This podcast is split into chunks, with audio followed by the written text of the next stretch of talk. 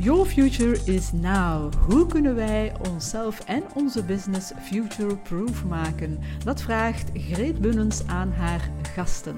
Enjoy!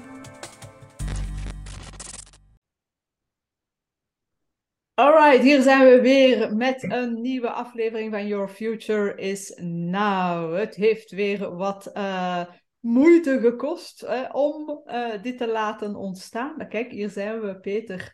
Uh, welkom op de podcast. Heb jij er helemaal zin in? Zet jij er klaar voor? Alright, perfect, perfect. Goed, ik ga je een beetje luider zetten, dan hoor ik u beter. Oké, okay, laat ons anders eens even uh, terugkeren. Hè? Dus intussen is het geluid ook, denk ik, ietsjes beter.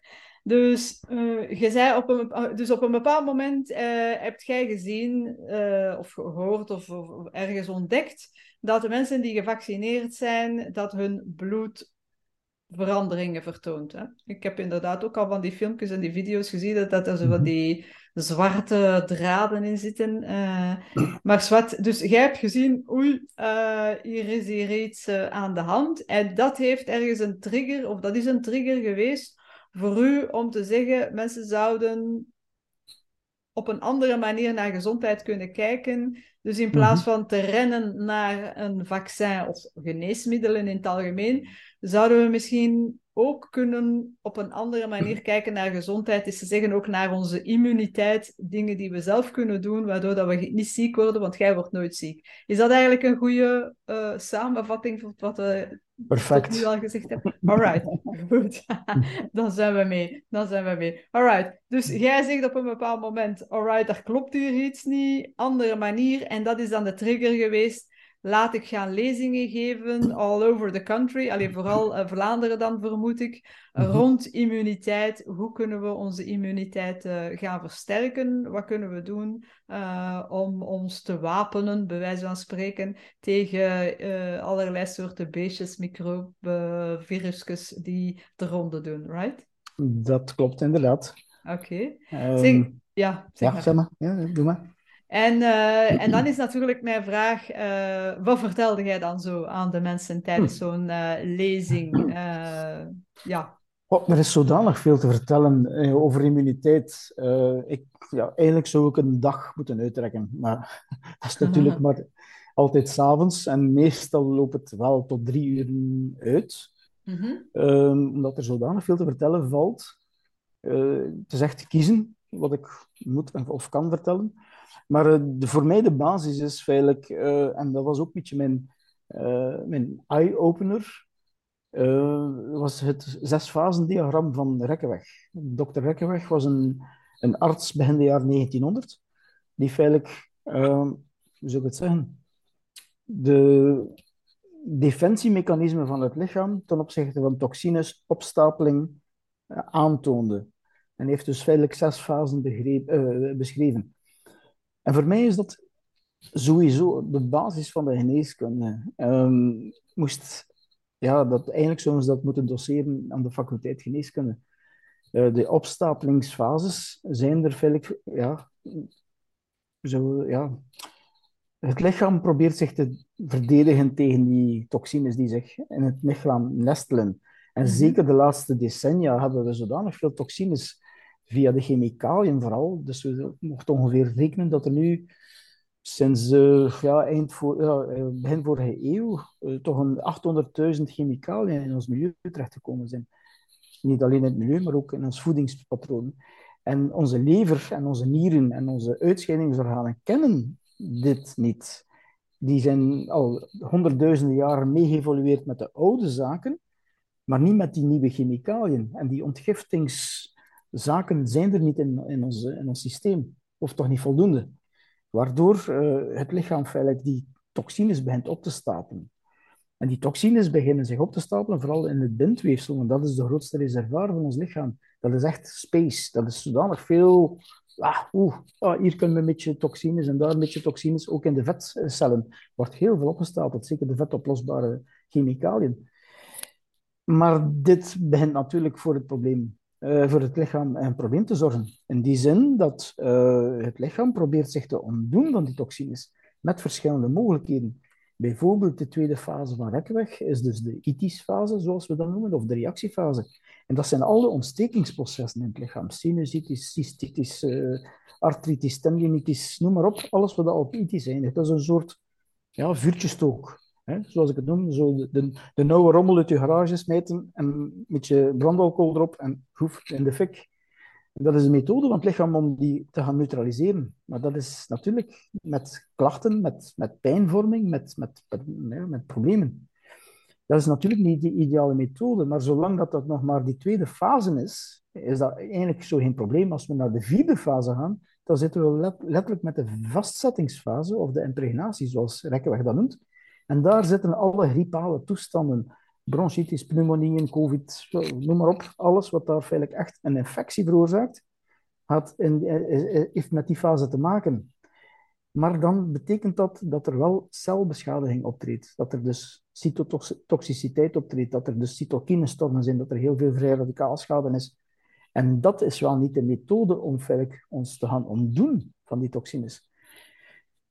Vandaar dat ik altijd zeg, bij het schieten van blad en bij het vallen van blad, ga uw lichaam gaan detoxen. Help uw lichaam te gaan ontgiften. Help de uitscheidingsorganen te gaan stimuleren, enzovoort. Om feitelijk ervoor te zorgen dat het lichaam het niet moet doen. En, en ja, dat is al de basis. Een vervuild mhm. lichaam is sowieso een laag immuunsysteem of een verzwakt immuunsysteem. En dat, ja, dat is ja, eigenlijk de basis. Een mhm. detox-toestand gaan creëren. Ja. En oké, dus, uh, dus die zes lagen of fases van Rekkeweg, uh, zoals gezegd. Ja. Um, dus de idee is van de afgelopen, ja zeker decennia, afgelopen wat dikke honderd jaar, zijn we meer en meer in aanmerking gekomen met vervuiling op allerlei vlakken. Vooral dan mhm. die chemicaliën waar ons uh, lichaam eigenlijk geen weg mee kan. En er zijn dus zes fasen om ja, dat ons lichaam ons kan helpen om te detoxen dan, hè, van die vuile chemicaliën af te mhm. geraken, gaande van de in de eerste fase relatief simpel en, en, en, en niet echt uh, zwaar schadelijk of dergelijke. Maar naarmate we de verdere fases doorlopen, um, kan dat toch wel meer schade berokkenen aan ons, uh, aan ons lichaam. Dat, uh, is het zo? Dat, dat klopt volledig. Uh, de laatste fase dat Philip Rekkeweg beschrijft is de neoplasmafase. Mm -hmm. de worden kankers. Mm. hij zegt van dat kanker niet van vandaag op morgen ontstaat, en dat is ook inderdaad zo.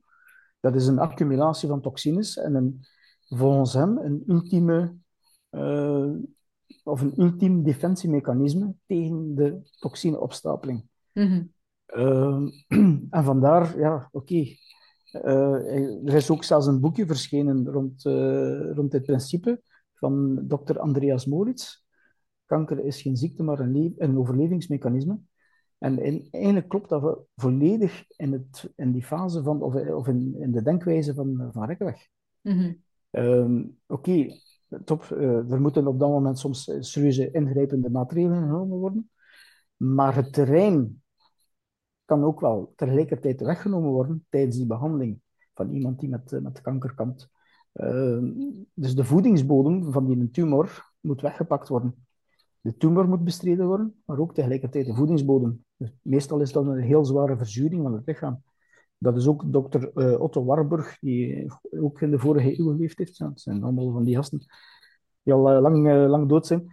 Maar die stelde dat inderdaad verzuring de grootste basis is voor kanker te ontwikkelen. En mm. verzuring zien we meer en meer in onze maatschappij. Qua voeding, qua mentale en emotionele stress, die feitelijk ervoor zorgt dat we inderdaad ons lichaam compleet in de verzuring helpen. Mm-hmm. En op die manier wel een voedingsbodem creëren voor heel wat ziektebeelden. Mhm. waaronder eventueel mogelijk tot kanker kan leiden. Mhm. Maar, ehm, en dus uw, uh, want dat lijkt op de Germaanse geneeskunde, dat, is, dat is dat ook, of wat? nee, dat is, dat is, dat, dat, dat, dat, is een, een deeltje ervan. De Germaanse mhm. geneeskunde is natuurlijk te maken met het emotionele, het mentale.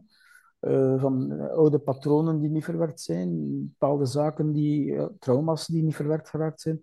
Dat heeft natuurlijk, dat is de emotionele component. Mhm. Maar het is een en-en verhaal. Mm Ziekte komt niet alleen op een puur fysiek niveau.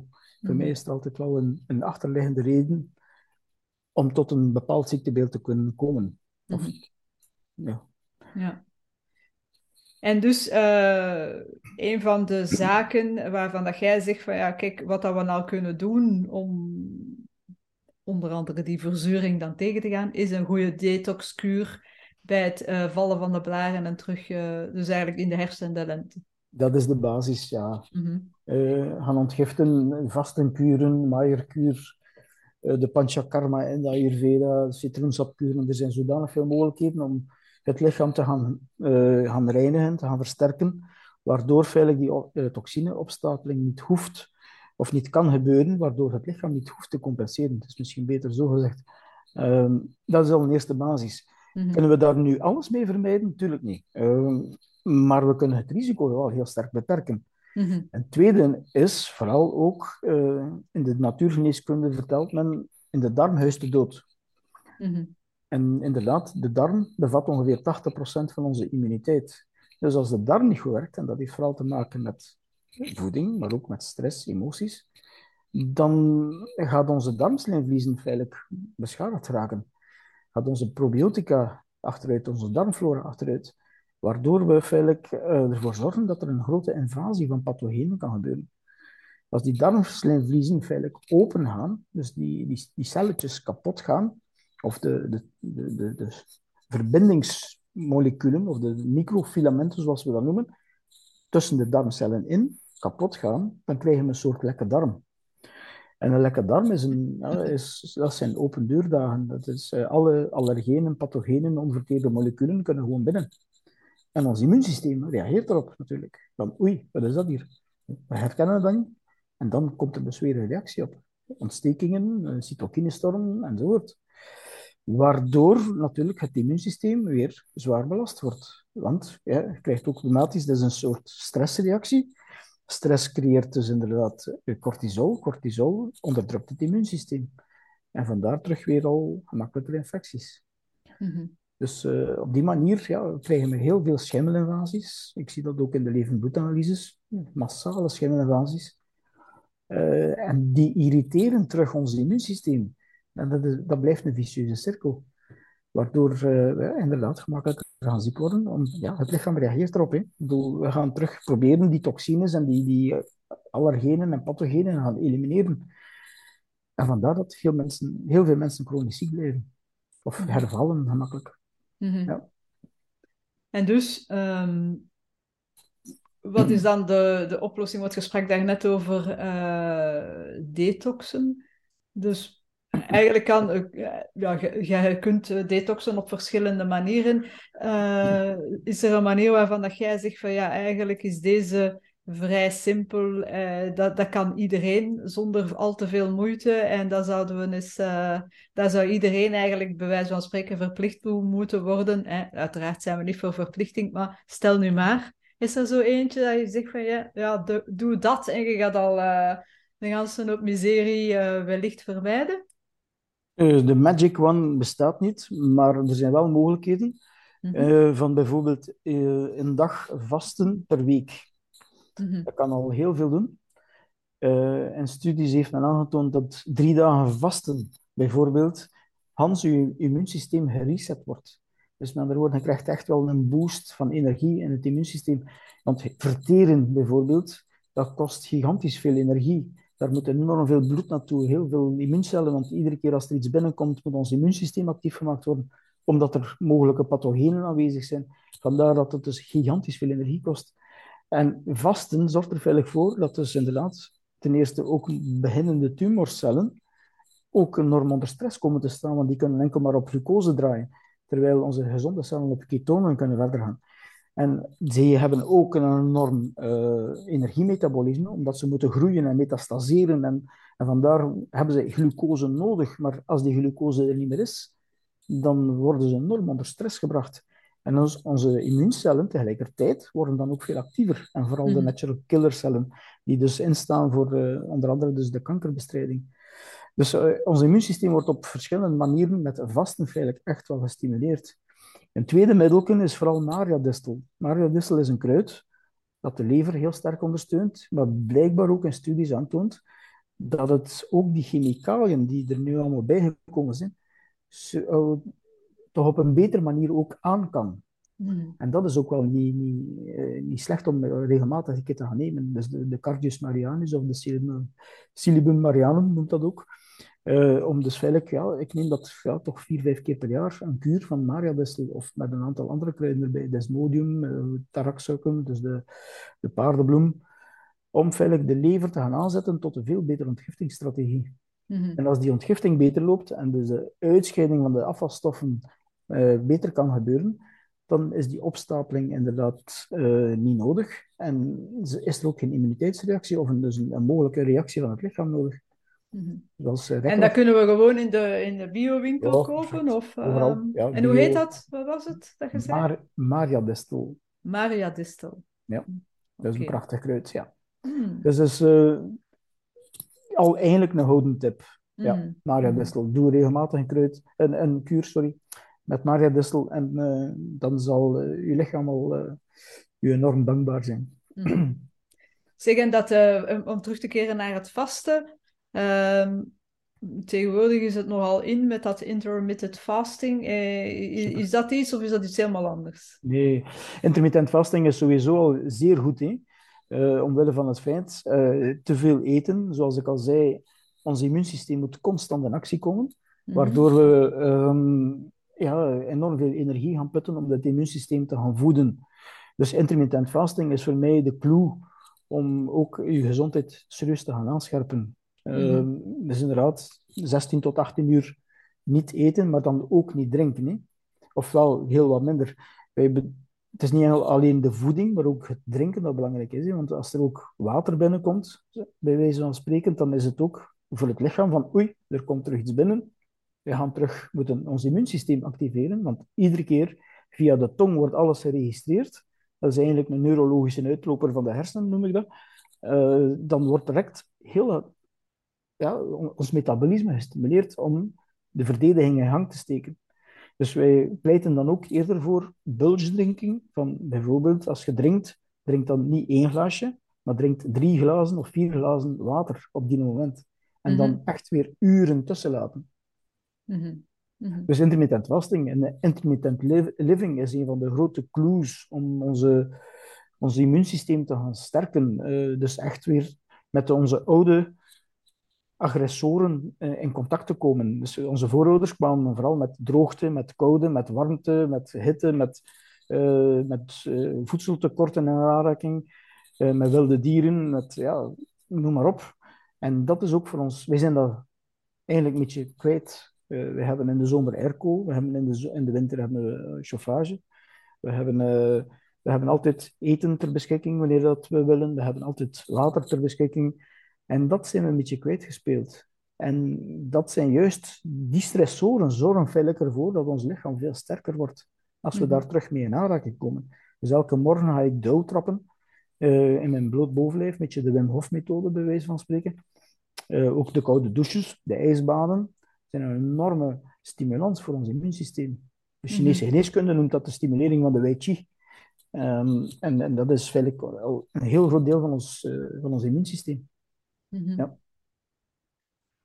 Ja, Dus eh, het, is, het is niet alleen wat ik, ik ken nu ook verschillende mensen die met dat intermittent fasting eh, gestart zijn om te vermageren, maar dat is eigenlijk niet de hoofdreden. Het is vooral Mhm. voor je immuunsysteem. En dus 16 uur niet eten, niet drinken. eh, en de uren die daar dan tussen liggen, dan mogen we wel gewoon eten en drinken. En vooral Ja. veel water drinken dan. Want als ze zeggen dat je drie liter water moet op, op, op eh, Nee. Nee, dat is een, dat is een fabeltje. mhm, We hebben zoveel water niet nodig.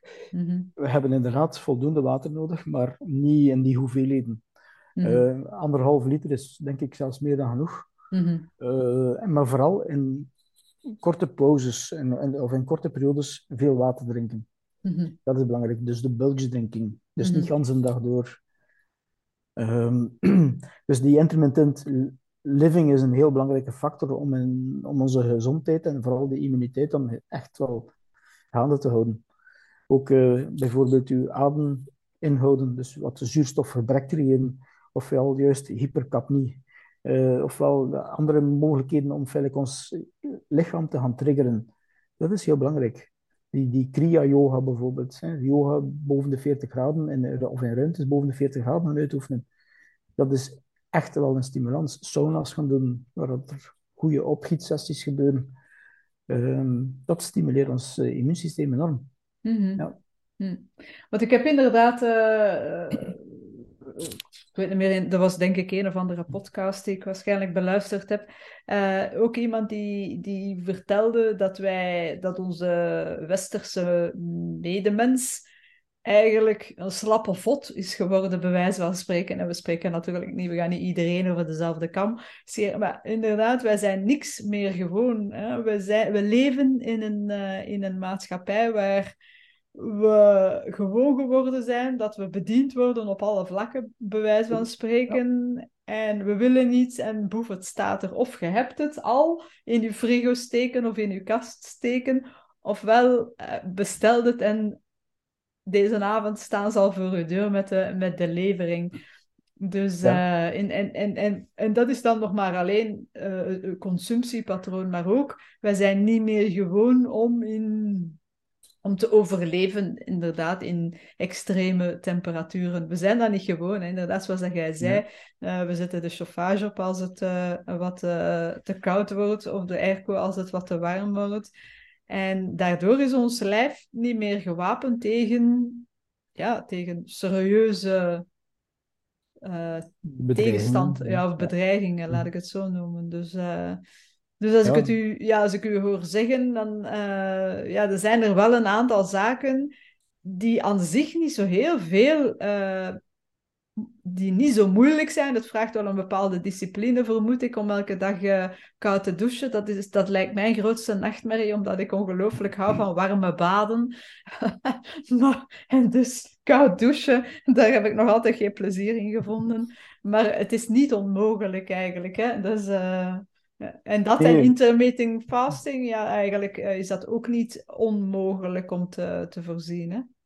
Nee, uh, het is zoals gezegd, uh, het is een, een, een, ja, even een discipline mm om in te voeren in uw dagelijks leefpatroon. Mm het vraagt een klein beetje moed en energie, inderdaad. maar het biedt zodanig veel voordelen dat, je, oh, dat, dat het wel de moeite waard is om het, om in, om het in te voeren. Mm om op ja, die manier ons lichaam te gaan versterken, om uh, ja, minder ziek te worden. Want uiteindelijk, ja, laat ons eerlijk zijn, ziek zijn is niet leuk. Hè? Uh, dat mensen zeggen, ja, ik ben dan thuis van mijn werk, maar ja, voor hetzelfde geld kan het ook tijdens je vakantie gebeuren. Um, en dat je dan ook ziek bent. En, ja, en vooral, het, het beschadigt jouw lichaam. De cytotoxiciteit is te groot, zeker bij griepale toestanden. En dat moeten we eigenlijk vermijden, want daardoor kan er ook heel veel uh, celbeschadiging optreden, die feitelijk ook er kan voor zorgen dat er mutaties gebeuren in het DNA-materiaal. Mm En de vrij radicaalschade, want de cytokinestormen creëren enorm veel vrij radicalen. En vrij radicalen zijn nooit gezond, nooit goed. En op die manier kan het dus wel dus leiden naar andere ziektebeelden. Want er is een, eigenlijk een, uh, een, correlatie van hoe meer energie naar ons immuunsysteem moet gaan, hoe minder energie er feitelijk kan gaan naar de DNA-reparatie. Dus uh, cellen worden elke dag beschadigd. Elke dag. Wij, wij produceren ongeveer 3 tot 500 kankercellen per dag. Dus met andere woorden, uh, die moeten ook terug ofwel kapot gemaakt worden om ons immuunsysteem actief te houden, Ofwel moeten wij ervoor zorgen dat ons DNA, dat beschadigd geraakt is, ook terug hersteld wordt. En daar hebben we bijvoorbeeld jodium, selenium, vitamine B12 en vitamine C nodig. En als dat constant naar ons immuunsysteem moet gaan, dan gaat het niet naar het herstel van die DNA-schade. Met andere woorden, de kans op kanker stijgt dan wel enorm. Mm Een van de belangrijkste vitamines die ik, eh, dat ik echt iedereen aanbeveel, is vitamine D vitamine D3 uh, eh, is de, de king of the immune system voor mij. Dat is, uh, die werkt sowieso bij een te laag werkend immuunsysteem, maar die werkt ook bij een overactief immuunsysteem, dat dus naar auto-immuniteit kan leiden. En dat werkt zelfs ook heel zwaar tegen kankerontwikkeling. Dus uiteindelijk, het heeft zo'n danige mooie all-round functie voor ons lichaam, dat het dus echt wel waard is om vitamine D3 status heel hoog te houden in het bloed. Mm -hmm. En je moet sowieso volgens mij boven de 50 blijven. Want nu, de, waarde, de onderste waarde is 20. En dan zeggen ze, ja, 25, oké, je zit nog binnen de, binnen de normale waarde, maar voor mij niet meer. Dat is mhm. veel te laag. Mijn laatste bloedafname was 96. de bovengrens is 100. Dus je moet zoveel mogelijk naar de bovengrens gaan in vitamine D. Er zijn ook heel duidelijke correlaties aangetoond tussen het ziek worden met COVID en de vitamine D3-status. Hoe zieker men was, hoe lager de vitamine D3 en omgekeerd. Dus een mhm. omgekeerd uh, rechtlijnige, rechtevenredige correlatie was er wel duidelijk aangetoond. Dus zelfs in de zevende dag vermeld geweest, maar dat is een klein beetje weggemoffeld en weggewimpeld geweest, jammer genoeg. Want dat was feitelijk via het AZ-delta en Roeslaar die dus die correlatie duidelijk naar voren heeft gebracht. Mhm. Mm, om maar te zeggen dat er bepaalde zaken zijn die we heel eenvoudig kunnen toepassen in ons, in ons leven met gewoon wat vitamine D extra te nemen. Dat is nu de grote kost niet. Uh, want ja, inderdaad, heel wat voedingssupplementen kosten wel geld. Uh, maar vitamine D3 kan al heel veel verandering teweegbrengen. In de positieve zin natuurlijk. Mm -hmm. Ja, want het is inderdaad uh, gek hoe dat um, vitamines en, en, en voedingssupplementen, dat daar toch nog altijd een beetje door een bepaalde groep van mensen nog altijd een klein beetje lacherig over gedaan wordt of zo. Of het wordt vooral ook wat bekeken als een, een nice to have. Uh, ik, ben, ik ben actief in, uh, in, in marketing en, en sales en uh, angst verkoopt. Dat is typisch, ik moet het niet vertellen. De laatste drie jaar hebben we dat heel duidelijk gemaakt. Maar dus ik zie heel veel parallellen met wat dat er de laatste drie jaar is gebeurd met de parallellen in marketing en branding en PR en sales. Hè? Dus, uh, dus ik zag heel snel dat er, dat er heel veel propaganda slash marketing aan de gang was. En ik vergeleek dan vroeger, uh, als ik dan mijn, mijn lezingen gaf of als ik uh, training gaf over marketing en sales, dan zei ik vaak van, ah ja, oké, eh, je kan het eigenlijk gaan vergelijken met de aspirine en de vitamine. En uh, wat eh, verkoopt het gemakkelijkste? Ja, dat is die aspirine omdat er nog altijd, er is iets dat leeft bij de, bij de mensen van, ah ja, als het echt, echt zeer doet, als het werkelijk, als ik hoofdpijn heb en ik kan niet meer, ja, dan, uh, ja, dan moet ik wel die aspirine nemen, want ik moet misschien, ik heb misschien een belangrijke dag voor de boeg, of ik moet gaan optreden, of ik heb weet ik veel wat allemaal. Dus ik wil van die, die, die hoofdpijn vanaf, dus ik ga hier voor die aspirine gaan. Het, als het moet, als de nood hoog is, als de pijn er is, kopen we die aspirine. En de vitamine is meer, ja, dat is zo'n nice to have. En dus ja, vertaald naar marketing uh, is dat dan van, ja, je hebt heel veel angst. En dat verkoopt beter. Dus als je je product in de wereld wilt zetten en je kunt er wat angst op zweren, dan gaat dat zogezegd beter verkopen dan, uh, dan, de, dan de vitamine dus. Maar dat is mhm. eigenlijk een perfecte metafoor ook voor wat dat, ja, hoe dat we kijken naar naar medicatie en, uh, en voedingssupplementen en vitamine. Die mm vitamine en voedingssupplementen worden vaak gezien van, ja, dat is een beetje een nice to have. Dat is als je geld over hebt. Een arme mens kan dat mhm. niet betalen, bij wijze van spreken. Dus, uh, maar als het dan echt zeer doet, ja, oké, dan hebben we misschien met onze laatste uh, 5 euro gaan we dan misschien toch maar aspirintjes gaan halen. Correct. Ehm, laat ons duidelijk zijn, medicijnen zijn nodig. Hè? Eh, mhm. Als het echt nodig is. Mhm. Ehm, ik zal ook wel een keer een pijnstiller nemen als het echt mij niet afgaat. Uh, ik heb dat niet veel nodig, of zowel bijna niet. Maar dan creëert dat ergens terug een, een vorm van een comfort. Mhm. Nu, uh, er zijn heel wat verschillende medicijnen. Pijnstillers is natuurlijk iets, is één zaak. soms hebben we inderdaad klinieken nodig. Maar de vraag is, waarom is er pijn? Eh, dan komen we terug naar een ander issue. Dan zitten er waarschijnlijk cytokinestormen, eh, ontstekingsprocessen. Uh, dan moeten we feitelijk de oorzaak van de pijn gaan aanpakken en niet de pijn zelf. De pijn is mhm. het symptoom. Maar goed, dat neemt niet weg dat het een keer nodig is om inderdaad een pijnstiller te nemen. Maar er zijn heel wat andere medicijnen die feitelijk ook inderdaad nodig soms zijn. Bijvoorbeeld maagzuurremmers. Uh, als je slokdarm aan het verbranden is door het zuur, uh, dan zijn we ook niet goed bezig. En dan kan tijdelijk een maagzuurremmer helpen, maar dat is niet de behandelingsstrategie die zou moeten gebeuren. De vraag is, waarom is er te veel maagzuur? Of waarom zit de maagzuur, dat is misschien zelfs beter, op de verkeerde plaats? Niet, uh, niet in de maag, maar ook dat het naar de slokdarm toe gaat. En, en, en dat is de, de, de, zaak die dan moet behandeld worden. Mm. En daar zijn heel veel mooie alternatieve middelen uh, met kruiden. Met, uh, want uiteindelijk, de, de, de, natuur is onze apotheek. Hè. Uh, zelfs 60, 70 procent van alle medicijnen komen uit kruiden getrokken. Hè. Mm -hmm. dus, maar daar hebben ze natuurlijk een patent op. En gewoon kruid of een vitamine kunnen ze niet patenteren omdat het uit de natuur komt, want dat zit ook in de voeding, anders gaan ze de voeding moeten patenteren, wat ze eigenlijk een beetje bezig zijn met de GMO.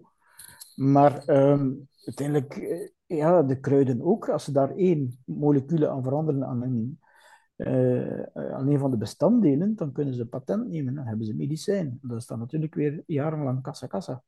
Mm -hmm. Oké, ik heb er niks op tegen als dat inderdaad moet ingezet worden, maar uiteindelijk kunnen we preventief vooral heel veel doen. En mhm. daarom kom ik terug weer op die detox. Detox je lichaam en je zult heel wat minder medicijnen nodig hebben. Mhm. Om, om, om ja, die, die verschillende symptomen die zich dan voordoen, zoals die itisfase of in de impregnatiefase, zoals de vierde fase, waar dat dus echt celbeschadiging optreedt, dan, dan moeten er inderdaad soms medicijnen genomen worden. Maar uiteindelijk is dat niet de bedoeling. We, moet, we moeten voorkomen dat we naar die vierde, vijfde, zesde fase gaan. Uh, wij moeten zoveel mogelijk in die eerste fase blijven van Dr. Ekweg, waardoor we onze normale uitscheidingsorganen gaan, gaan stimuleren. De lever, de nieren, de huid, de milt, uh, de darmen, uh, longen, noem maar op. Dat is een heel belangrijk systeem. -hmm. Ja, absoluut. En, um, en dus dat is eigenlijk uw missie als jij die, die, die verschillende lezingen in Vlaanderen gaat geven dan is het echt met de bedoeling om mensen bewust te maken dat er ook een alternatieve manier is om te werken aan het immuunsysteem. En dat als we eigenlijk met een aantal stappen of, of detoxen of weet ik veel wat, dat we heel veel, nogmaals, dus miserie kunnen vermijden. Dat is eigenlijk de bedoeling van uw uh, lezingen. Uh... Dat is inderdaad de bedoeling, uh, om op die manier mensen bewust te maken van kijk, neem het zelf in handen. Mhm. En dat begint met die detox. Een tweede is mhm. inderdaad dus die barrières. Eigenlijk zijn er drie defensielijnen, ja, eigenlijk defensielijnen van het lichaam. Mhm. De eerste lijnsdefensie zijn letterlijk de fysieke barrières, waaronder ons maag-darmkanaal. En uiteindelijk van de mond tot aan de aars is dat één buis. En dat is eigenlijk buitenwereld, nog altijd. Hè? Um, en vandaar moeten we gaan zorgen dat er geen indringers kunnen binnenkomen. Uh, en daar zijn heel wat verschillende fases. De amandelen in de eerste plaats, ons maagzuur in de tweede plaats, de hal, de probiotica, de, de appendix zit vol uh, witte bloedcellen uh, en de darmen bevatten heel wat macrofagen en dergelijke in de Peyerse platen. Dus er zijn heel wat verschillende lijnen waar dus die bacteriën en verschillende pathogenen kunnen tegengehouden worden. Dat is al één. De fysieke barrière is ook nog de huid. Want via de huid kan er ook heel wat binnenkomen als er dus inderdaad een, een, lekkage ontstaat door onder andere het ontsmetten met alcoholgel. Dat hebben we dus massaal gedaan de voorbije twee jaar, twee jaar en een mhm. half. We zien dat nog bezig. Dat is inderdaad de alcoholgel beschadigt de talglaag en vooral de filagrine. Dat is een eiwitstructuur die juist onder de hoornlaag zit, waardoor we een grotere doorlaatbaarheid hebben van pathogenen via de huid. We hebben dan nog de derde laag, is, uh, de, de en de, en, de, en de longen. Dat is ook een mucuslaag die feitelijk via dit systeem ook de bacteriën probeert tegen te houden. Dan hebben we nog de uh, urogenitale uh, regio. Alle openingen feitelijk van het lichaam zijn ook barrières voor, voor de bacteriën tegen te houden. En dan ook nog de ogen, want via de ogen kunnen er ook heel wat bacteriën binnenkomen. En de tranen zorgen feitelijk voor met lysozyme, dat is een soort enzyme die feitelijk antibacterieel werkt. Dus dat is al een eerste lijnsdefensie. En als er dan toch nog bacteriën binnenkomen of andere pathogenen, dan hebben we de tweede lijn, dat zijn dan de verschillende witte bloedcellen. De neutrofielen, de eosinofielen, de monocyten, de T-lymfocyten, nee, de T-lymfocyten is de derde. Uh, de verschillende macrofagen, die gaan ja, letterlijk de pacmans zijn en die gaan de bacteriën gaan opeten. En ze gaan verteren en dan ze gaan aanbieden aan de T-lymfocyten. En dat is dan de derde, de derde lijnsdefensie. En dat is het verworven immuunsysteem. waardoor we feitelijk snel bacteriën terug kunnen herkennen. Dus die gaan ervoor zorgen dat er een geheugen ontstaat. Waardoor, als diezelfde bacterie nog eens binnenkomt, dat je er zelfs bijna niet ziek van wordt, of niet ziek van wordt, of heel snel uh, een reactie hebt. Mhm. En dat is heel belangrijk, die, dat geheugen. Want uiteindelijk, het immuunsysteem, ik zeg het al, is een heel kostelijk plaatje voor het lichaam. Als we iedere keer terug een nieuwe immuunreactie moeten doen, is dat enorm energierovend, heel cytotoxisch, heel veel celbeschadiging. Vandaar dat het belangrijk is voor die immuuntraining te hebben. En ja, we zien dat zeker bij het vaccineren van kinderen met COVID, dat het probleem daarmee optreedt van dat die geheugenvorming niet meer gebeurt. Mm. Dat is eigenlijk voor mij rampzalig. En dat is waar dat Geert van den Bossen het onder andere zo uh, over heeft, uh, dacht ik. Hè? Ja. ja. Dus, uh, want normaal gezien kinderen, eigenlijk een, een, een natuurlijke immuunsysteem is zoals wij dat voor COVID altijd kennen. Hè? Dus je hebt ooit eens een, een, een, een verkoudheid of een griep uh, gehad. En als dan de volgende keer iemand met griep in je buurt komt, maar het is dezelfde variant, variant laat ik het zo noemen, ja, dan hadden er eigenlijk niet, normaal gezien niet meer op reageren, om uw, uw immuunsysteem erkent, uh, erkent dat. Uh... Ja. En dit is daarom ja, dat, dat dat ook niet zo slecht is voor, voor kinderen om, uh, om, om zich ook te omgeven onder, uh, onder de andere kinderen. En uh, onder af en, af en toe mag het er een keer vuil aan toe gaan. Eigenlijk de sterkste kinderen vroeger, dat waren die die altijd op een boerderij leefden. omdat die het meest in aanraking komen ja. met allerlei soorten van bacteriën en, en virussen. en daardoor hun immuunsysteem versterkt wordt, laat ik het zo uh, noemen. Hè? Dus zo heb ik het begrepen. Ja, mijn papa is huisarts en huisarts, werkelijk bij ons thuis, toen we klein waren. Dus ons huis was altijd bevolkt door zieke mensen. En ik denk dat dat uh, dan ook de reden is waarom dat, uh, ik en mijn zussen eigenlijk bijna nooit ziek zijn. Dat we altijd lekker veel bacteriën en virussen binnengekregen hebben dankzij de praktijk van mijn, uh, van mijn papa. Maar dus wat dat wil zeggen bij de, uh, bij de vaccinatie nu met het uh, COVID-gebeuren, is dat we die kinderen eigenlijk een substantie toegeven terwijl dat ze het eigenlijk niet nodig hebben. En ze normaal gezien zelf wel hun systeem zouden kunnen sterker maken door dan hen in contact te brengen met mensen die, daar, die, die bijvoorbeeld COVID hebben. Inderdaad. Mhm. Dat geldt niet alleen voor kinderen, maar voor alle volwassenen ook. Hè. Mhm. Uiteindelijk, uh, wat Philip ja, Sam Leendert naar voren bracht, was de omgekeerde lockdown. Hè. Ehm, en dat was ook mijn principe van scherm de zwakkeren af, de ouderen vooral. Ook zo, zoals in de griepperiodes. Uh, maar laat al de rest gewoon doorgaan. En laat gewoon de economie draaien. Laat ons verder knuffelen en kussen en handjes geven. En dat we daardoor een groepsimmuniteit hadden kunnen opbouwen. En dat hebben ze gedaan in Zweden, maar niet, uh, ja, hier niet. Hè. En, en ja, ze hebben constant zitten lachen met Zweden, maar Zweden was er veel sneller vanaf en hebben veel minder doden op een teller staan dan wij. Mm Dus uh, uiteindelijk, uh, ja, ik ging juist zeggen, blijf knuffelen. Uh, blijf handjes geven, blijf mondmaskers, dat, dat, dat, dat helpt niet. Mondmaskers, en ik, heb nog, ik wacht nog altijd op het eerste bewijs dat een mondmasker een virus kan tegenhouden. Het staat mhm. zelfs op de doos dat het niet werkt tegen virussen. Het staat op de mhm. doos van de mondmaskers. Dus dan, dan wordt dan overal verplicht, of toch nog zeker nu in de ziekenhuizen en dergelijke, in de artsenpraktijken. Maar het, het is zo belachelijk als maar zin van. De mhm. bacteriën blijven hangen, ja. En die blijven inderdaad in je mondmasker, deze dat je uitademt, en zitten lekker warm en vochtig en dergelijke. Die groeien daar gemakkelijk. En dan krijgen al de mensen beetje keelpijn en angina's. Dus ja, kijk, de, de, maatregelen zijn voor mij echt uh, compleet het tegenovergestelde van wat ik zou ingevoerd hebben. Blijven mhm. knuffelen. Uiteindelijk, ons grote, de grote evolutie bij onze voorouders, toen dat we feitelijk vanuit Afrika kwamen, uh, als Australopithecus, zijn we ons gaan mengen met de Neandertalers. En op de duur zijn we gaan samenhokken. Het nomadische bestaan werd opgegeven en zijn we gaan samenhokken. Zijn er dus inderdaad vestingen en, en, en, dorpen uitgebouwd, meestal vlak bij rivieren of aan de zee, om ook aan die vette vis te geraken.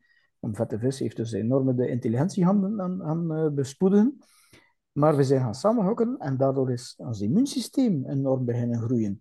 Want we zijn elkaar beginnen besmetten constant. We zijn mhm. inderdaad immuniteit aan het opbouwen geweest. Mhm. en, dat, en dat was echt voor mij, ja, sorry, maar het tegenovergestelde van wat ik zou gedaan hebben. Mhm. Die bubbels, dat was de, de, de, grootste belachelijke factor die er was. Nee, blijf handjes geven, blijf knuffelen. Wij moeten elkaar besmetten, want dat is de beste immuniteit. Maar oké, voor de zwakkere versta ik het natuurlijk wel. En dat is inderdaad de omgekeerde lockdown, waar dat Sam Leendert verder naar voren bracht. Mhm. Mhm. En dat, hadden we dat gedaan, was het, uh, was het probleem al lang van de baan. Maar ja, dat is waarschijnlijk de bedoeling niet geweest. Hè? Ja, we hebben er het raden naar en, en uh, het zal wel op een bepaald moment, hoop ik, wel eens uitkomen. Ehm, ja, en dat de mensen in het begin, allee, daarom dat artikel dat laatst verscheen van die uh, Pandemic Amnesty, dat we, dat we maar moesten vergeten en vergeven over de stommiteiten die er gebeurd geweest zijn en, en de, de rare dingen die, die er naar elkaar werden uh, gezegd. Ja, ik, ik, ik ben een zeer vergevingsgezind persoon, maar daar, dat is toch net iets te snel er, uh, erover gaan, denk ik dan. Dat uw buurman, die niet beter weet en bang is gemaakt door de overheid en media en dergelijke, dan u onverantwoordelijk en asociaal noemt omdat je niet voor de prik wilt gaan, tot daartoe, die moeten we niet tot het einde der dagen vies gaan bekijken, want die man of vrouw wist misschien niet beter. Maar, uh, de beleidsmakers, daar denk ik dat we toch wel wat uh, minder vlotjes over moeten gaan. Hè. Zeker ook om precedenten te... Hè, want als we dan nu zeggen, ja, alles is vergeven en vergeten, ik kan me echt dan alvast bij de volgende crisissituatie... Um... En veren, hè. inderdaad, inderdaad. Zeg, en dus uh, om eens even terug te komen... Uh, naar het hele ja, wat coronavaccinatie gebeuren. Een, een van de andere mensen uh, waar ik. Uh, waar ik ook regelmatig mee afspreek, heeft het, heeft het ook daarover, over het gevaar van die, uh, van die continue prikken die er maar gezet worden nu. Omdat dat elke keer weer een aanval zou zijn op het immuunsysteem. Dat is iets dat jij dan ook herkent tuurlijk, uh, het is op die basis dat ik inderdaad dus ook die voordrachten gedaan heb, of uh, gelanceerd heb. Omdat ik inderdaad een, juist een daling zie van het immuunsysteem, van de activiteit van, van de witte bloedcellen, in plaats van een activatie. Mm ik dacht dat het juist de bedoeling is om ja, sterker te gaan staan. En in studies, oh, ik heb er al heel wat gedownload, die dus aantonen hoe meer vaccinaties dat je, of spuitjes, is een beter woord, krijgt van die COVID, hoe zwakker je immuunsysteem en hoe makkelijker dat je terug COVID gaat krijgen. Er is gezegd, de herinfectie is veel groter bij gevaccineerden als de niet-gevaccineerden. Dus het klopt langs geen kanten. Het immuunsysteem gaat echt zwaar onderuit. Ik moet een aantal cellen zien zwemmen in het bloed, en dat zijn de neutrofielen en de monocyten. Dat zijn echt de, de, de, de grote wachters, de, de grote, ja, de Pac-Mans, zoals we dat noemen van in de jaren tachtig, ja. van de spelletjes. Ja. Ehm, die eten die bacteriën op. En, en de virussen en, alle mogelijke pathogenen. Maar die, ik zie die niet meer bewegen. Ik zie die gewoon zitten. Uh, op, uh, echt op zijn maandagsmorgen. Zo van echt, ja, moet ik niet echt opstaan? Moet ik niet echt actief worden? Wel, nee. Twee, de natural killer cellen verdwijnen volledig. Ik zie die dus niet meer bij gevaccineerden. En dat is voor mij echt de alarmbel geweest. Om echt hmm. te zeggen van, nu moet er toch iets mee gebeuren. Want die natural killer cellen gaan dus wel zorgen voor heel wat virale controle, zoals de Epstein-Barr en de, en de herpesvirussen, maar ook naar kankercellen. Mhm. En dat was voor mij uh, een heel belangrijke factor. Dus het immuunsysteem gaat zelfs eerder onderuit dan het feit dat echt gestimuleerd wordt door die vaccinaties. Mm Twee, uh, we hebben daar ook een, een factor uh, ja, met de mRNA van Pfizer en Moderna dat dus inderdaad uh, de nieuwe studies beginnen uit te komen, dat er dus letterlijk inderdaad genetische manipulatie bezig vindt. En ik vond het al zodanig onlogisch, van uh, en niet biologisch van in het begin, dat ons lichaam zelf aangezet wordt tot het produceren van vreemde eiwitten. Dat is de eerste keer in de evolutie van de biologie dat dat gebeurt. Dat klopt niet. Ons eigen lichaam moet dus eigenlijk vreemde eiwitten, dus viruseiwitten, aanmaken, om die dan te presenteren op het celoppervlak. Maar een immuniteitsreactie is niet op één stukje zelf, maar dat gebeurt op de hele celwand. En daar zitten ook nog lichaams-eigen eiwitten. Dus met andere woorden, dat is een mindfuck voor onze witte bloedcellen. Van oei, er zitten vreemde en eigen lichaams-eiwitten op. Ja, dat kan niet anders dan tot auto-immuniteit beginnen leiden. En we zien een enorme stijging van Guillain-Barré, van, van uh, ook ja, bij, bij gevaccineerden. Het aantal miskramen is gigantisch geëxplodeerd. Het aantal geboortes is met een derde gedaald in het eerste kwartaal in Duitsland. Dus er is, er is toch iets gaande, er is toch iets dat, niet, dat niet klopt. En, en, en, en heel wat ziekenhuizen op de, de cardiologie uh, is er een toename van 1200 procent van myocarditis, hartinfarcten en, en, en noem maar op. En toch ziet men nog veilig de olifant in de kamer niet. Hè? Ja, het is ongelooflijk hoe welke uh, enerzijds cognitieve dissonantie dat er uh, is, maar langs de andere kant hoe het... Ja, want dat is voor de mensen die... Ik denk dan altijd voor mijn buurman, bij wijze van spreken, die het niet beter weet of zoiets. En dat klinkt, niet, dat klinkt pejoratief, maar zo wil ik dat niet, of niet denigrerend. Mm. Hè? Dus hè, wat, wat do I know? Hè? Hoe meer dat ik weet, hoe meer dat, ik, hoe meer dat ik weet dat ik niks weet.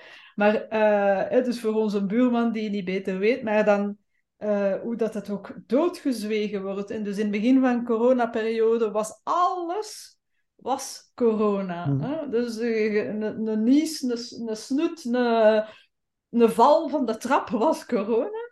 En, en, en nu, die olifant, ja, dat wordt doodgezwegen. Het is nog altijd corona, hè? Iemand die nog, nu nog sterft, is post-corona. Of mhm. long-covid. Of oh, ze geven er zo'n naam aan. Uh, het, is te belachelijk voor woorden. Uh, Ja, het, het, is normaal in het concept van wat we zien met die mRNA-inspuitingen, dat dus het lichaam dus daar zwaar op reageert. En vooral met auto-immuunreacties en vooral weer met cytokinestormen. En, en ja, dat zijn echte zware ontstekingsreacties in het lichaam en vandaar ook die myocarditis veroorzaken. Want uiteindelijk, het vaccin, of die mRNA zit veel vervat in lipid-nanomoleculen. En die verlaten veel de injectiezone. Normaal gezien een vaccin blijft ter hoogte van de injectiezone en gaat daar de immuniteitsreactie uitlokken. Maar die lipid-nanomoleculen totaal niet. Die verdwijnen feitelijk uit de injectiezone voor 95%. Die gaan zich nestelen in heel wat verschillende organen, waar feitelijk ook geen immuniteitsreactie zou moeten plaatsvinden. Waaronder inderdaad in het endotheelweefsel van, van, van, van onze bloedvaten en van het hart en dergelijke. En dan zien we daar dus die reactie van ons immuunsysteem. Die, die, die eiwitten worden daar geproduceerd, die worden geprojecteerd op de celwanden van, van, eh, van die hartcellen, van de endotheelcellen van de bloedvaten. En daar komt een eh, immuniteitsreactie op. En die wordt, eh, dus onze eigen cellen worden aangevallen dan door onze immuuncellen. En dat is het hele drama. Mhm. Ook naar onvruchtbaarheid toe. Dus de, de, de testikels, de ovaria, de, de lever, de nieren, de hersenen worden allemaal volgepompt met die mRNA. Met dus al die mogelijke gevolgen tot, tot, uh, tot gevolg. Ja. Of, uh, mm -hmm. ja. En ja, ik, hoor soms van die, van die werkelijke doemscenario's van eh, binnen dit en vijf jaar, eh, ondertussen is binnen dit en vier jaar of binnen dit en drie jaar, ik weet het al niet. Eh, eh, eh, is, is ik weet niet hoeveel volk dood. en dan denk ik van, oh, daar heb ik dan een beetje cognitieve dissonantie op, want dan wil ik toch liever niet... Uh, ik doe er nu wel lacherig over, maar zo, allee, zo voel ik het ook niet. Dat is de grote vraagteken. Hè? We mhm. weten natuurlijk niet wat er gaat gebeuren of wat er gaat uit voortvloeien. Ehm, wat ik wel weet, dat er inderdaad wel veel meer kankers gaan zijn. Als inderdaad die natural killer cellen wegblijven, uh, of toch verminderd blijven, dan is de mogelijkheid tot kanker wel serieuze, een serieuze toename. En kanker ja, kan nog in veel gevallen een dodelijke ziekte zijn. Hè? Mm -hmm. maar de onvruchtbaarheid stijgt wel. Dus met andere woorden, ja, het aantal mensen die nog een gezond kindje op de wereld zetten, dat daalt dus ook.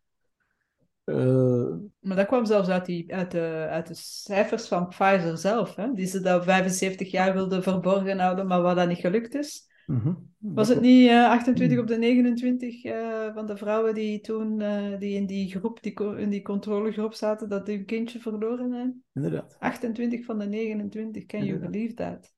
Dat is verschrikkelijk. Ja, en, dat is dan, en, dan gaan ze daar, en dan gaan ze verder, dat is in de officiële studie van Pfizer zelf. En dan blijven ze aan vrouwen zeggen dat het veilig en effectief is. Dat is toch unbelievable. Het is verschrikkelijk. En ja, on, onlangs heeft Pfizer dus toegegeven um, dat uh, ja, het vaccin niet getest geweest is op de transmissie van het virus. Hè. Een paar weken terug. Mm. En dat is die reden waarom dat Felix Amleendert is ontslagen geweest in de, na de zevende dag, 14 februari 2021. Mm-hmm. Want hij vroeg toen aan, uh, aan, Pierre van Damme van toon mij die bewijzen, toon mij die studie. Ja, maar de studies zijn er dat je na twee weken geen enkele, uh, dat je niet meer, besmetbaar, niet meer besmettelijk bent na vaccinatie. Maar hij zegt hij, toont mij de studie. Heeft ze nooit kunnen tonen, want was ze dus niet. Want Pfizer heeft dus echt nu openlijk toegegeven dat er die studies niet gebeurd zijn. Dus ja, en, en, en, en hoe dan nog? Hè? Die vrouw deed er werkelijk lacherig over. Hè? Ja, ja. Dus, uh... ja, dus vandaar, ja, dus, ja, ik vind het echt niet kosher. En vooral ook dan Dr. Robert Malone, wordt dus de uitvinder van de mRNA-technologie, wordt dus ook overal gecensureerd op Twitter en Facebook en, en, noem maar op, op sociale media. Eh, omdat hij ook waarschuwt, omdat het dus zeker niet mag gegeven worden aan kinderen. Om, ja, een beetje in mhm. dezelfde context als, als Geert van den Bossen. Mm-hmm. En ja, de uitvinder wordt. oh, dat is voor mij, dat, dat slaat alles eigenlijk. Um, mm-hmm.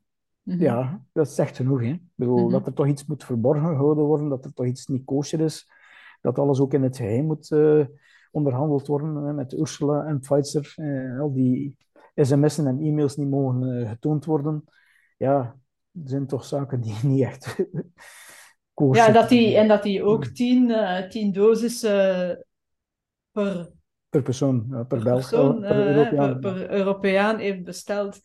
Initieel hadden we toch maar één prikje nodig en dan waren we er vanaf. Hè. Ja, dus, 70% van de bevolking en twee prikjes en dan was het gedaan, zo gezegd. Ja. We zitten al nu aan nummer 5.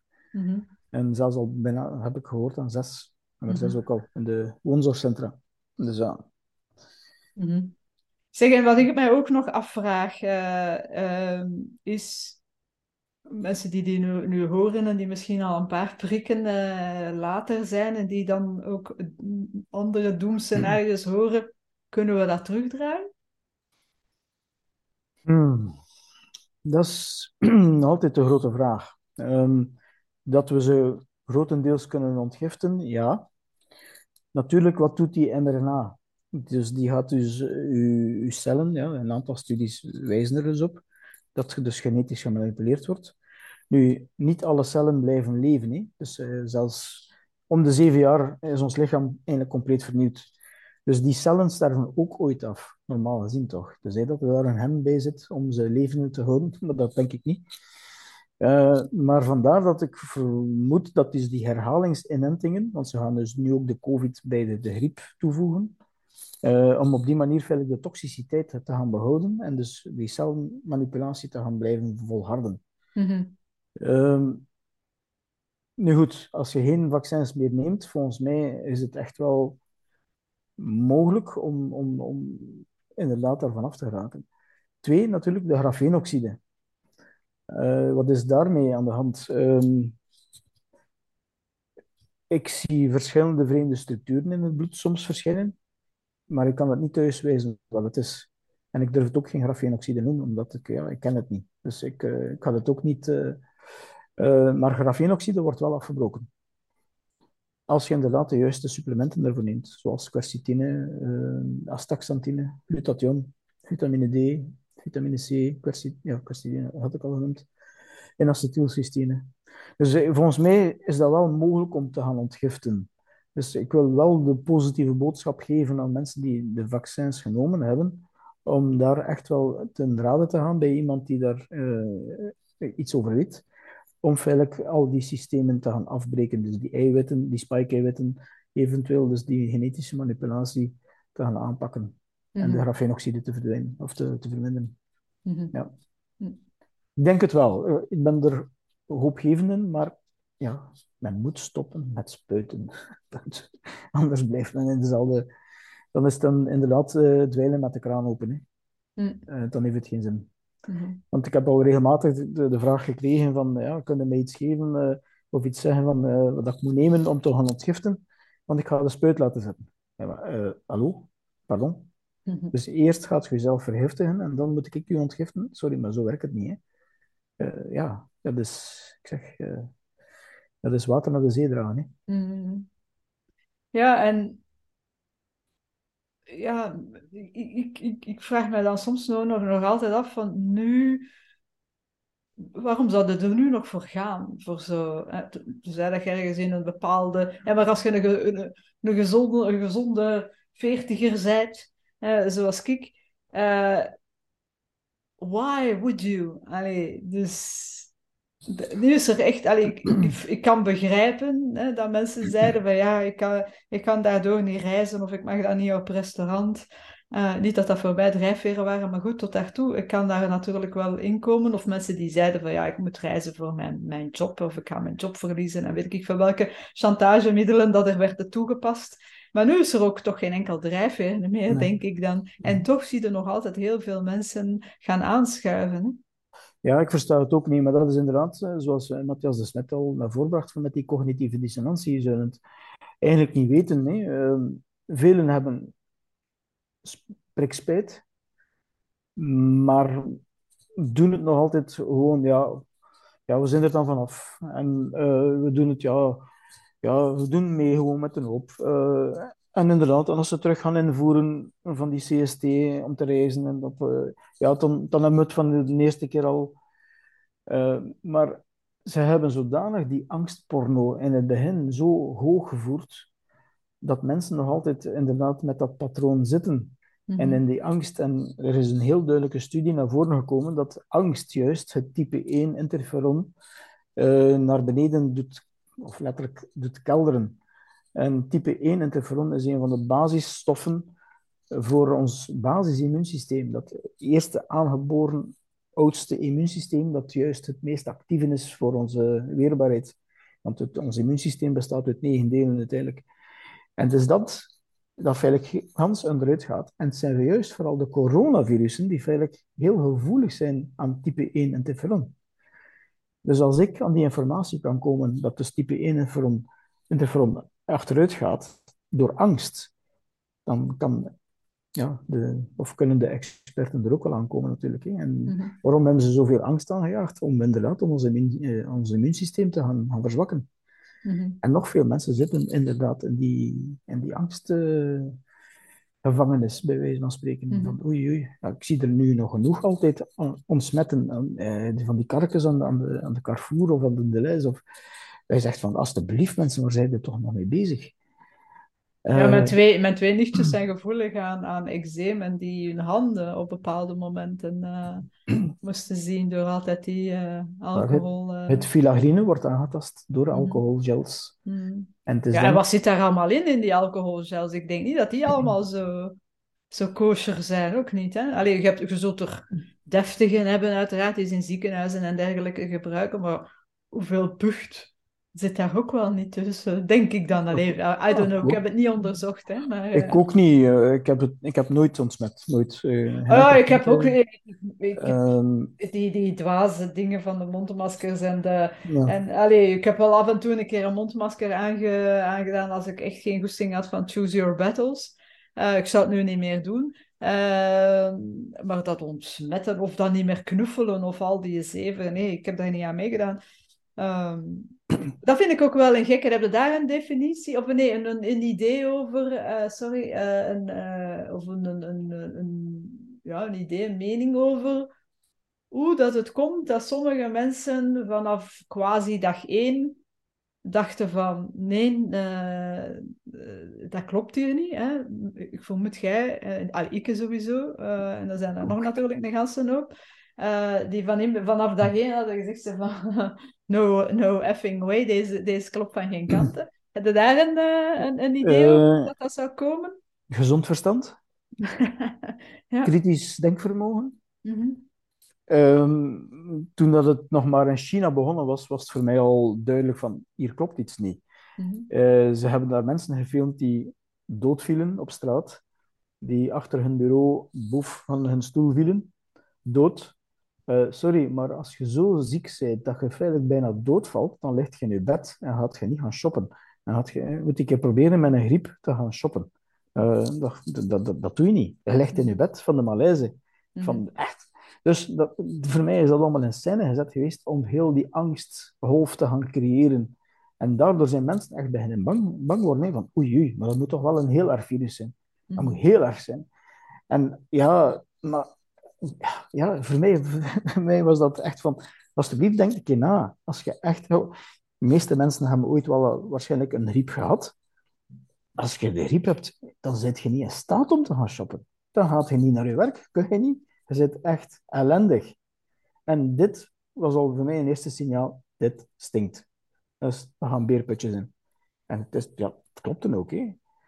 En ja, ja van, vandaar dat ik echt gezegd heb van, eh, ja, ik ga daar niet in mee in dat verhaal. Ja, ik heb daar een zesde of zelfs een zevende of een achtste zintuig voor. eh, zelfs met de 9-11 toestanden was het ook al voor mij heel duidelijk dat er zaken niet klopten. Ehm, maar ja,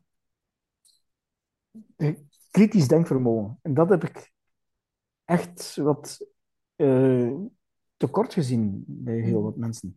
Van, denk een keer na. Van, oei, wat, eh, en zie ik er buiten de no- normale of de, de, de mainstream media, ga ik er naar alternatieve bronnen gaan zoeken. Ja, ja, dat is allemaal fake news. Ja, als Facebook zodanig veel te censureren heeft, is het een teken dat ze heel wat te verbergen hebben. Want ja, als je zelfs niet vrijuit mocht babbelen over COVID, dan is er voor mij een teken aan de wand dat er iets niet klopt. Bij Ja. mij was ook dat, hè. Dus ik had... eh, Censuur. wanneer- eh, ja, de- die censuur was bij mij een hele belangrijke red flag. Dat ik zo dacht van... eh allee, ik had mijn gevoel. Ik moest zelfs nog niet te veel nadenken, want ik zat met een andere crisis op dat moment in mijn leven. eh, toen corona uitbrak. Eh, dus ik heb dat ook niet zo vreselijk veel. Maar ik dacht van, wat voor een zever is dat zo? van, Maar ik heb geen tijd om daar nu even naar te kijken. Maar bon, na twee, twee weken heb ik gezegd van, hier klopt hier niks. Maar dan eh, begon ik wel, hè, had, ik, eh, had ik gezegd van ja, oké, laat mij daar een beetje in investeren, want hier is van alles eh, dat naar mijn aanvoelen niet klopt. En dan ga je er het verstand bij gebruiken. Ja, dus je hebt eerst je voelen, Mhm, mhm, van, eh, en dan denk je van ja, oké, eh, laten we eens inderdaad eens nadenken, eens wat dingen bekijken. En als ik dan zag hoe men de censuur toepaste, ja, dan dacht ik van nee, nee, dit is. Want in het begin dacht ik nog ergens als het eh, dacht ik van ja, deze klopt niet. Dus mijn idee, toen we in die eerste lockdown waren, daar 13 eh, maart, was misschien is het eh, virus gevaarlijker dan, dan men pretendeert. Want deze, voor, een, allez, voor wat dat er nu gaande is, dat klopt niet dat we allemaal moeten in lockdown gaan. Dat, dat was duidelijk dat er iets niet klopte. Maar ik dacht, misschien is het het omgekeerde. Is het veel gevaarlijker en durven ze dat niet zeggen.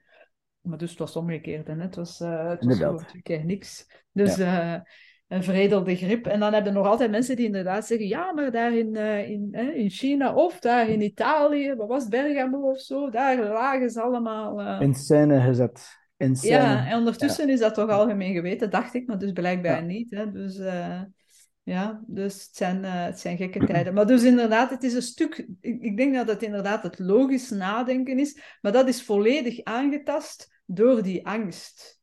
Dus dat mensen niet meer kunnen...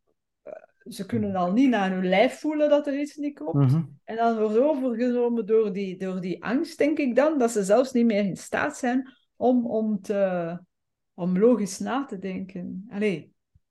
Wat voor mij zelfs nog het meest verbazingwekkende is, dat, of was, dat mensen die de spuitjes gekregen hebben, nog banger zijn van de niet-gevaccineerden dan omgekeerd. Want heel veel families zijn daarop kapot gelopen, gezinnen zijn zelfs kapot gegaan. Van ja, je komt hier niet meer binnen, want je bent niet gevaccineerd.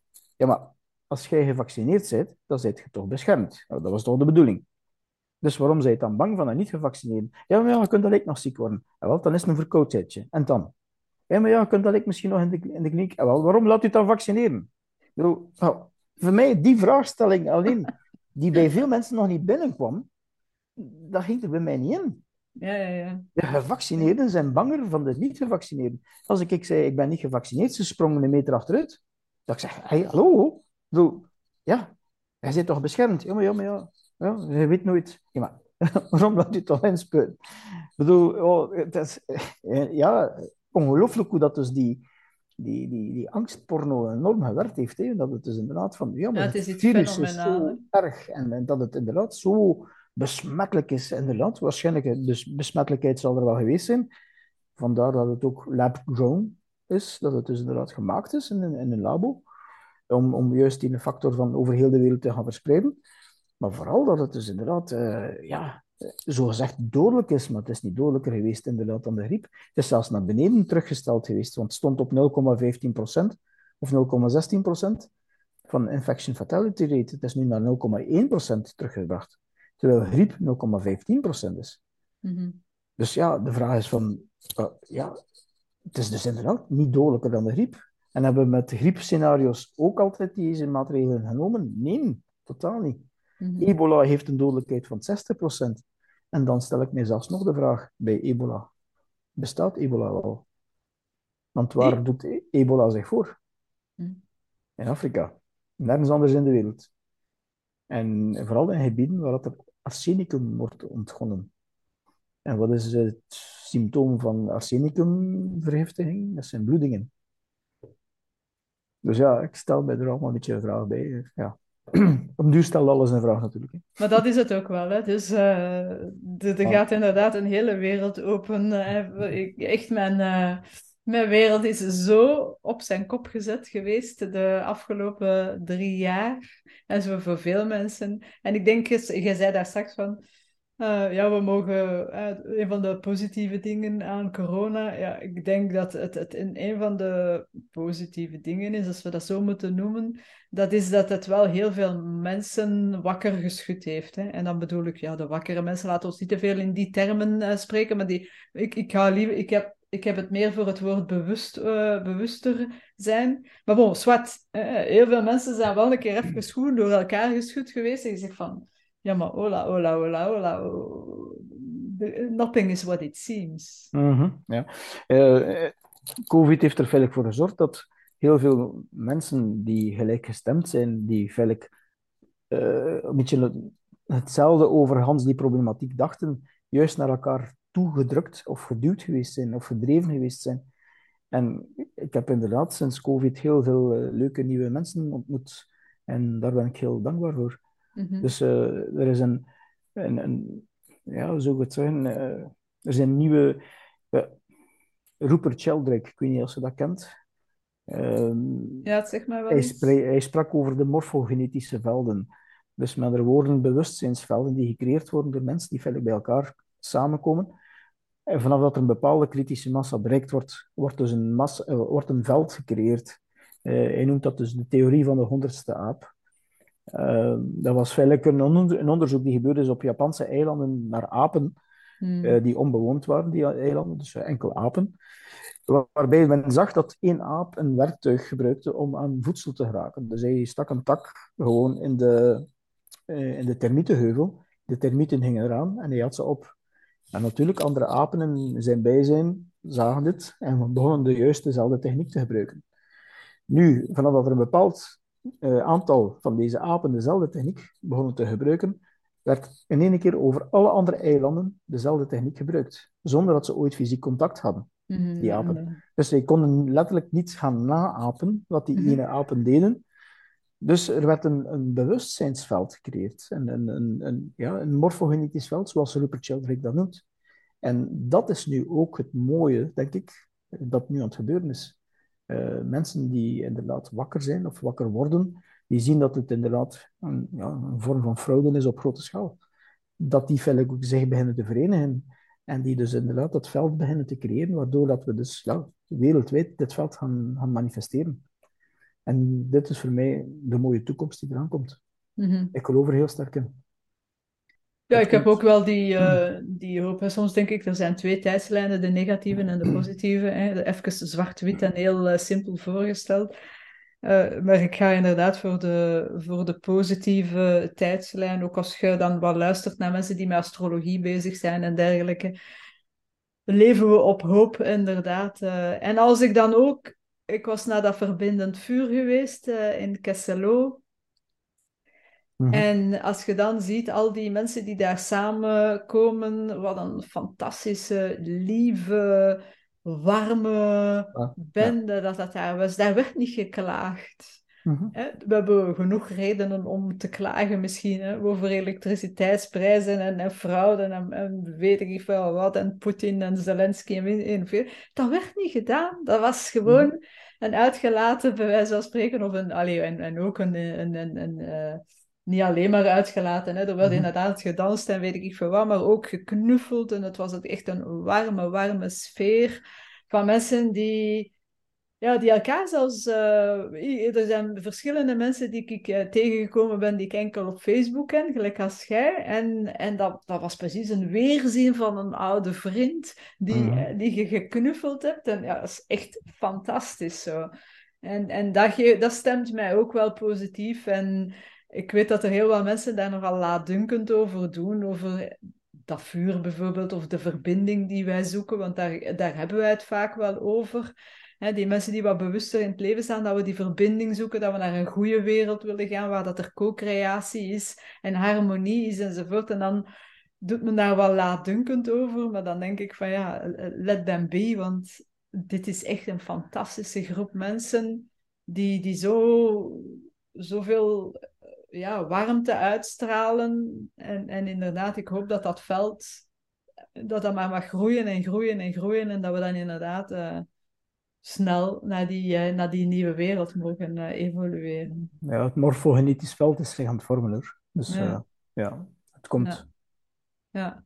Petit à petit, hè? petit à petit. Ja. Je ziet het ook wel, hè? meer en meer mensen die, die, en ja, dat is ook de reden onder andere voor deze podcast, die natuurlijk niet alleen daarover gaat. Er zijn verschillende onderwerpen uh, die hier behandeld worden, maar toch uh, het blijven spreken, zoals Matthias zegt, blijven spreken. Want sommige mensen maken zich dan druk, ja, kom een keer tot actie, doe dus iets, komt dan met oplossingen. Ik denk dat ook iedereen daar zijn, zijn rol te vervullen heeft. Jij geeft dan uw lezingen over het immuunsysteem, hoe dat we dat kunnen versterken en hoe dat we toch kunnen meer preventief gaan, uh, gaan werken aan onze gezondheid. Ik heb onder andere mijn podcast en dan mijn onnozel mopjes, waarbij dat ik de mensen een, een, lach op hun gezicht kan toveren. En zo heeft iedereen wel een, uh, wel een rol en een taak. En de ene zal misschien iets meer integer, allee, iets meer in, in, in, intieme kring iets doen. Iemand anders gaat het op de barricade staan roepen. Nog iemand anders gaat met, met, uh, met een politieke partij beginnen of met echt met, met, met voorstellen afkomen. Maakt niet uit. Zolang we maar blijven gaan voor de, voor de positieve boodschappen van liefde en vrede en verbinding. Uh, hadden mij vijf jaar geleden gezegd dat ik zo vaak zou zeggen... Ik, ik, ik, ik hoop dat er liefde, vrede en verbinding mag zijn. Dan had ik gezegd van, uh, Bunus, hoe zit dat met u? Maar dat is echt inderdaad mijn grootste wens. Dus uh, ja, laten we daar samen aan, uh, aan wijken. Zeg Peter, en als jij nog een, je hebt al wat gouden tips gegeven, maar als jij de mensen die nu kijken of luisteren nog één of meerdere gouden tips kunt geven met betrekking tot uw materie dan, wat zou je dan nog zeggen? Detox in de eerste plaats. Mm sowieso, dus echt uh, bij het schieten van blad en het vallen van blad, vind ik toch een heel belangrijk gegeven, want een vervuild lichaam is altijd een laag immuunsysteem. Twee, herstel uw darmen. Doe af en toe eens een kuur om uw darmslijmvliezen te gaan herstellen, om dus de leaky gut of lekke darmfeillijk te gaan uh, herstellen, om te gaan verdwijnen. Drie, neem een aantal supplementen. Um, zorgveilig in de eerste plaats voor vitamine D3. Uh, eventueel zink er ook nog bij. Als het nog kan, kattenklauw of eventueel uh, podarco. Uh, Beta-glucanen. Er zijn heel veel mogelijkheden mm. om te nemen. vier, ja, sta positief in het leven. de Hermaanse geneeskunde. Werk aan uw trauma's. we hebben allemaal een rugzak mee. Uh, het is belangrijk om daaraan te werken. Uh, ik ben er ook heel sterk mee bezig voor mezelf. Uh, en ik voel dat dat er echt wel duidelijk wel ja, veranderingen heeft in, in, jouw leven. Mm maar dat is wel heel belangrijk. want die, die Hermaanse geneeskunde is... Ja, je kan daar heel veel over opzoeken op internet. Uh, dat is ook een beetje Brecht Arnaert, die er ook heel sterk mee bezig geweest is. Met mhm. uh, onder andere ook Daniel Derweduwen is ook heel... Uh, en ik vind het heel belangrijk, want vroeger was dat, voor corona, was dat zelfs bijna niet bespreekbaar. Mm en, en pff, tijdens mijn studentenperiode in, in 87, 88 in Leuven was er een winkel, een esoterische boekhandel, de Johannes. En ik zat meer daar dan in mijn Nola, denk ik, om echt te gaan zoeken in die, die boeken en dergelijke. En een van de eerste boeken dat ik toen kocht was De Zin van Ziek zijn. En dus de achter, letterlijk de achterliggende achtergrond van, van, van het mentale, het emotionele, het onbewuste, dat meespeelt in het ontstaan van verschillende ziektes mhm. of ziektebeelden, uh, was voor mij toen echt wel een openbaring. Mhm. En dat is echt niet onbelangrijk. Uh, als je aan jezelf werkt en aan je trauma's werkt en je postulaten, aan je overtuigingen verandert, dan verandert je leven ook. En ook naar je immuunsysteem. Dus voor mij is dat heel belangrijk. Nog een andere tip, uh, straling. Probeer zoveel mogelijk straling te vermijden. Want straling verandert dus inderdaad wel ons bloed, letterlijk.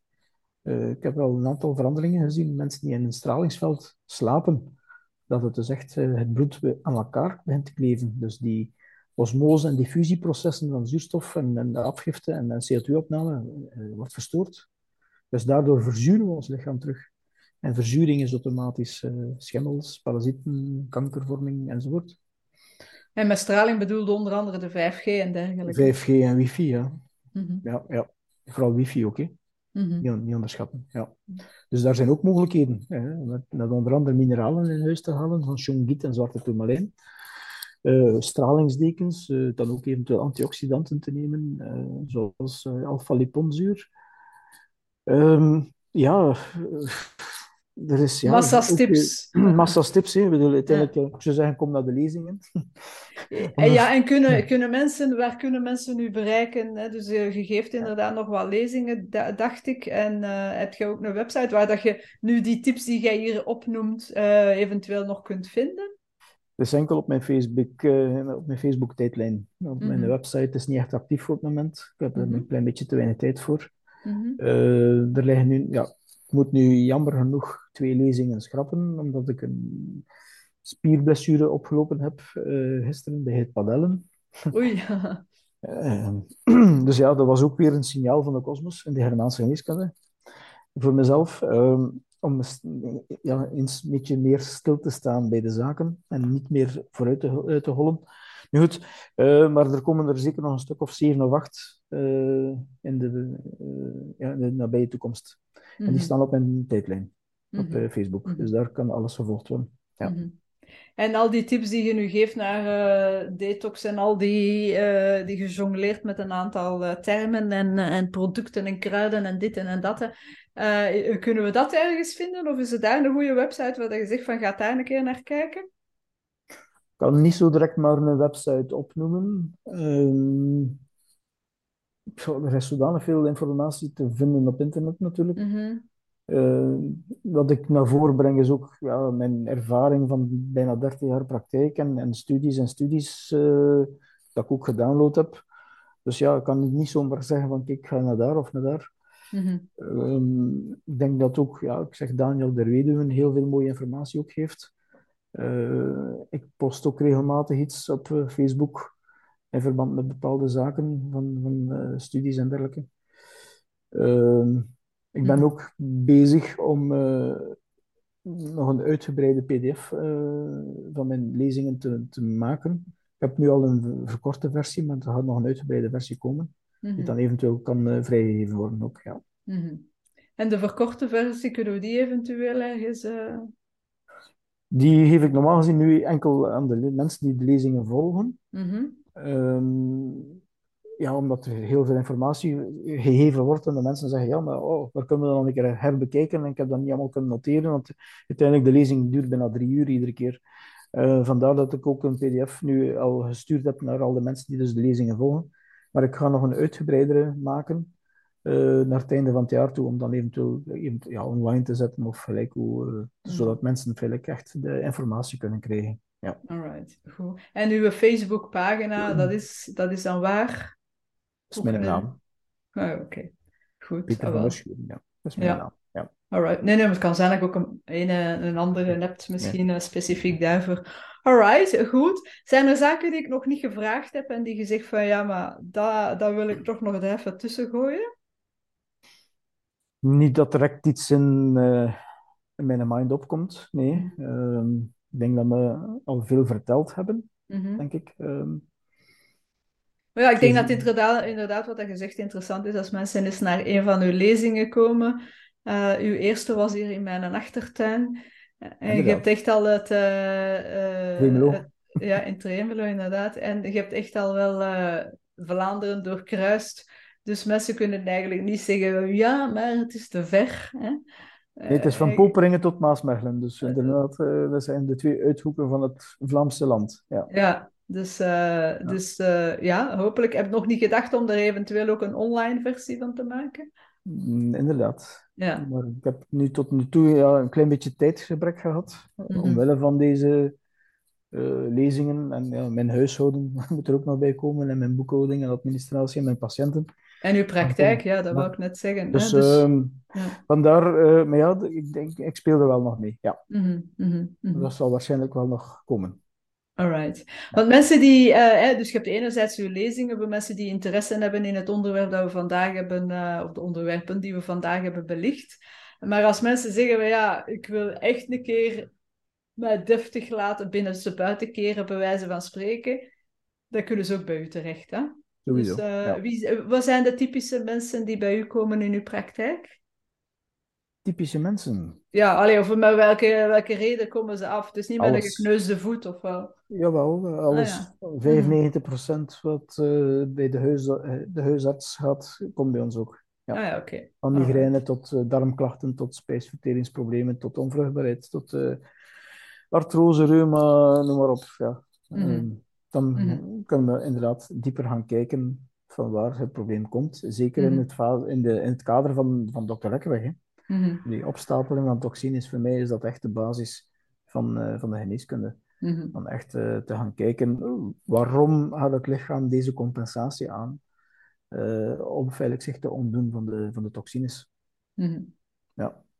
Alright. Het is niet altijd simpel, let op. Er bestaan geen receptjes, want uiteindelijk iedere persoon is uniek. En ik zeg, we zitten ook met onze, de Germaanse geneeskunde, dus met onze trauma's, met onze postulaten, met onze overtuigingen, met onze opvoedingspatronen, die feitelijk een heel grote rol meespelen natuurlijk. Mm. De ene lumbago is de andere niet, hè, bij wijze van Nee, nee, nee, nee, nee, nee, nee. Ja, en ik denk inderdaad dat het, uh, het is echt dat holistisch uh, kijken naar, Voilà, ja. uh, naar, naar, de, naar de zaken. Ik weet niet of dat je Richard Telet volgt een beetje, die, Nee. die Nederlandse podcaster. Ik weet nu niet meer hoe dat zijn podcast heet. Dat is ook een arts die, die de klassieke geneeskunde gestudeerd heeft. En ook een aantal jaar als, als gewone arts, laat ik het zo zeggen, uh, gewerkt heeft, maar dan wel ook gaan inzien uh, dat, er, ja, dat, het, dat de klassieke geneeskunde hier in het Westen dan tenminste vrij beperkt is en dus veel meer holistisch is gaan kijken. En uh, hij wil inderdaad ook de Nederlanders, maar bon, de Belgen of de Vlamingen dan ook, uh, aan een gezondere levensstijl uh, mm-hmm. krijgen. En hij zegt ook dat onze westerse ge, allez, geneeskunde en artsen niet echt gericht zijn of niet echt een deftig antwoord hebben op chronische ziektes. Dat vooral, het is ja. zeer, zeer goed als, er, als je een, een, een, been gebroken hebt, dat je door van de trappen valt enzovoort. Ideaal als je bij je arts kunt gaan. Maar hebben vaak heel vaak symptomatisch als ze werken en zeer gespecialiseerd. En, en echt het chronische, de chronische ziekte, dat, eigenlijk, dat ze daar geen antwoord op hebben. En dus dat ze dan voornamelijk met medicamenten inderdaad gaan uh, de, die, de, de symptomen behandelen. Ja. Het symptoom is nooit de oorzaak. En, en dat is verder een heel belangrijk principe dat we blijven hanteren. Mm-hmm. Um, en inderdaad, de chronische ziektebeelden hebben vooral te maken met heel wat uh, opstapeling van toxines. Met een heel zware lekke darmsyndroom meestal. Mm-hmm. Um, en ja, dan vooral onderliggende emotionele problematiek. Hè. Ja, dat is het inderdaad. Hè. Dus uh, ik heb ik, allee, ik mag dat misschien niet zeggen, maar goed, ik heb soms al wel eens, eh, als iemand mij dan vertelde van, ah ja, ik heb, ik heb kanker, dat ik soms denk van, ah ja, waarom verbaast mij dat nu niet? En, en ik wens die persoon dat dan uiteraard niet toe. Maar dat is dan mm. iemand die bijvoorbeeld heel negatief in het leven en die ik altijd al heel negatief heb geweten, dan denk heel ik veel van, oh. Heel veel ja, ja en, en dan denk ik, oh, dan moet hij er nu ook nog eens bij hebben. Hè? Dus de, hè, die is precies geboren voor, het, uh, voor de malchance. Maar dat verbaast mij dat dat precies ook niet... Terwijl iemand die zeer gelukkig en gezond in het leven staat, als die dan kanker krijgt, dat is dan zo eerder zo van, huh? hoe kan dat nu? Hè?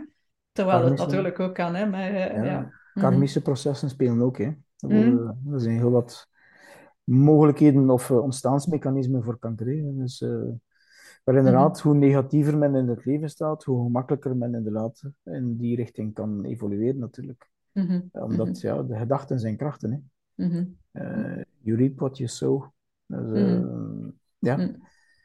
Eh, vooral voor mij, een van de, ja, misschien is dat nog iets dat ik wil meedelen. Vooral, een van de belangrijkste zaken is voor mij dankbaarheid. Mhm. Dankbaar voor hetgeen wat we hebben en dankbaar voor hetgeen dat we niet hebben. Mhm. Gewoon, inderdaad, daarmee kan je echt in vrede met jezelf gaan leven. Mm. Want dan ben je niet jaloers op de noppel van je gebuur of eh, de kledij van die madame of dingen of whatever. Ehm, dankbaarheid is ook een van de vier, of een van de vier belangrijkste zinnen van, van, van de, Ho- de Ho'oponopono.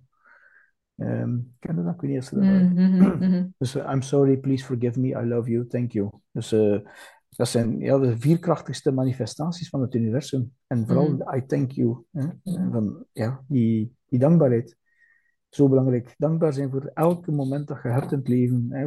S morgens opstaan, dankbaar zijn voor de dag. En s'avonds gaan slapen, dankbaar zijn voor de dag dat je gekregen hebt. En dat Ja, en een welgemeende inderdaad. En een welgemeende, want als je echt Ja. inderdaad helemaal in die dankbaarheid ingaat, op datzelfde moment kun je ook niet kwaad zijn. Hè? Nee, Of ah, nee. triest, tristig zijn, of hè, whatever zo. Dus hè, resentment of weet ik veel wat. Vandaar dat het ook hetzelfde met liefde.